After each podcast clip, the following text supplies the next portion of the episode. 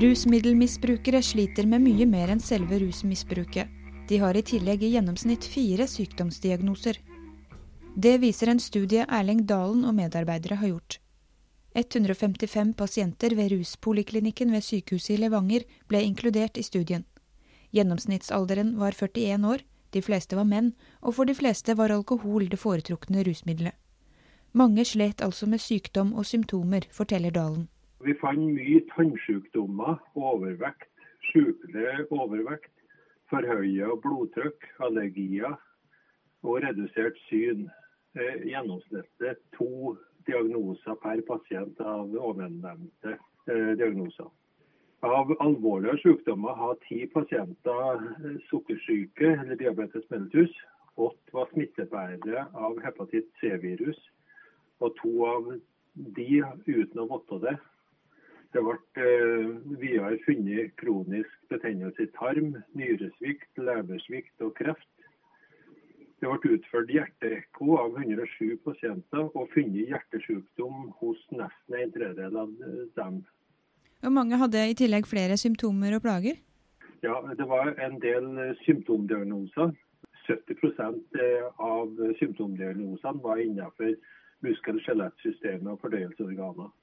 Ved ruspoliklinikken har det ikke vært vanlig at pasienten utredes for somatiske sykdommer men Dalen og kollegene har ofte opplevd at pasientene klager over manglende kontakt med fastlegen sin, og at henvisningsskrivene ofte inneholder sparsomme opplysninger om somatisk helsetilstand. Det er noe av bakgrunnen for at de gjorde denne studien. De fant at 12% av pasientene hadde dårlig kontakt med fastlegen. I hvilken grad sykdommene som ble funnet var kjent for fastlegene, er ukjent. Vi ba fastlegene om oversikt over pasientens diagnoser før hver enkelt undersøkelse, men mottok gode opplysninger for knapt én av tre pasienter. Dagfinn Horre er kommuneoverlege i Kristiansand, og har gjennom 15 år vært fastlege for 330 pasienter med rusproblemer. Også han har erfart at disse pasientene har en overhyppighet av andre sykdommer, både somatiske og psykiske. Eh, hvis vi tar de tunge brukerne av illegale stoffer, så står det elendig til. De har jo en forventet levetid på kanskje opptil 20 år kortere enn andre. Og det er jo faktisk sånn at uh, overdosedødsfallene i Norge uh, bidrar til at vi går ned på statistikken over forventet levealder i verden. Men det er faktisk sånn at flertallet av de tunge rusmisbrukerne de dør av helt alminnelige sykdommer. De dør på sotteseng, som jeg pleier å si. Altså de dør av lunge- og hjertesykdommer og sånn som alle andre, bare at de dør så fryktelig tidlig. Men bryr de seg om helsa si, da? Det er det som er så pussig. At midt oppi kaoset så er de veldig opptatt av helsa si, mange. Og, og, er veldig interessert i å få sjekket sine blodprøver, få sjekket sin lever. Og noen av dem, eh, ikke minst, har jeg hatt stor glede av dette med lungefunksjonsundersøkelse og det å diskutere røyking, både av cannabis og nikotin med dem. Og der kan de gjøre tiltak på lik linje med alle oss andre. Ja, for du har lang erfaring som fastlege for mange pasienter med rusproblemer. Hva, hva, mer har du erfart i disse årene? Jeg har jo erfart at hvis du behandler folk som folk, så oppfører de seg som folk. Så jeg har jo hatt et veldig godt samarbeid med pasientene mine.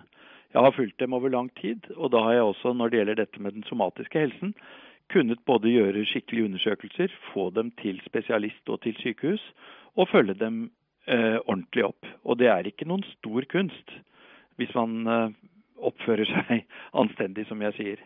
Men de feiler veldig mye. Så jeg sier jo det at det å ha vært fastlege for faktisk 332 rusmiddelavhengige, det har vært en mellomting mellom tung psykiatri og u-landsmedisin.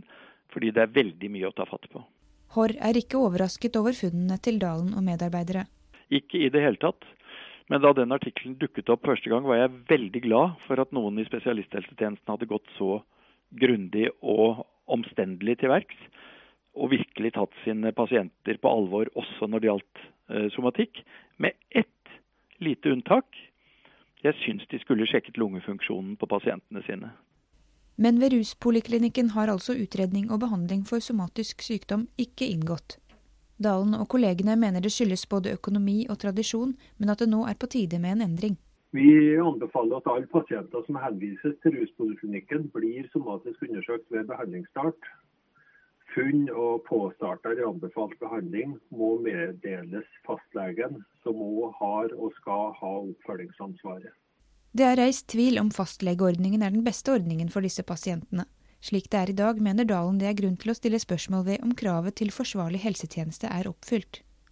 Vi mener at manglende syn for helheten av pasientens plager setter spørsmålstegn ved om både kommunehelsetjenestelova og spesialisthelsetjenestelova er oppfylt. Så hvordan kan man sikre dem gode og likeverdige somatiske helsetjenester? Dagfinn Haarr stiller akkurat dette spørsmålet i sin lederartikkel. Dessverre har ikke jeg heller svaret på det. Men jeg har jo prøvd meg på noen forslag, da. Og det går jo på å ansvarliggjøre fastlegene. Og jeg har et par forslag til hvordan man kan gjøre det. Bl.a. ved å gjøre det enklere for pasienten i forhold til frikort. For det er ofte en økonomisk barriere der.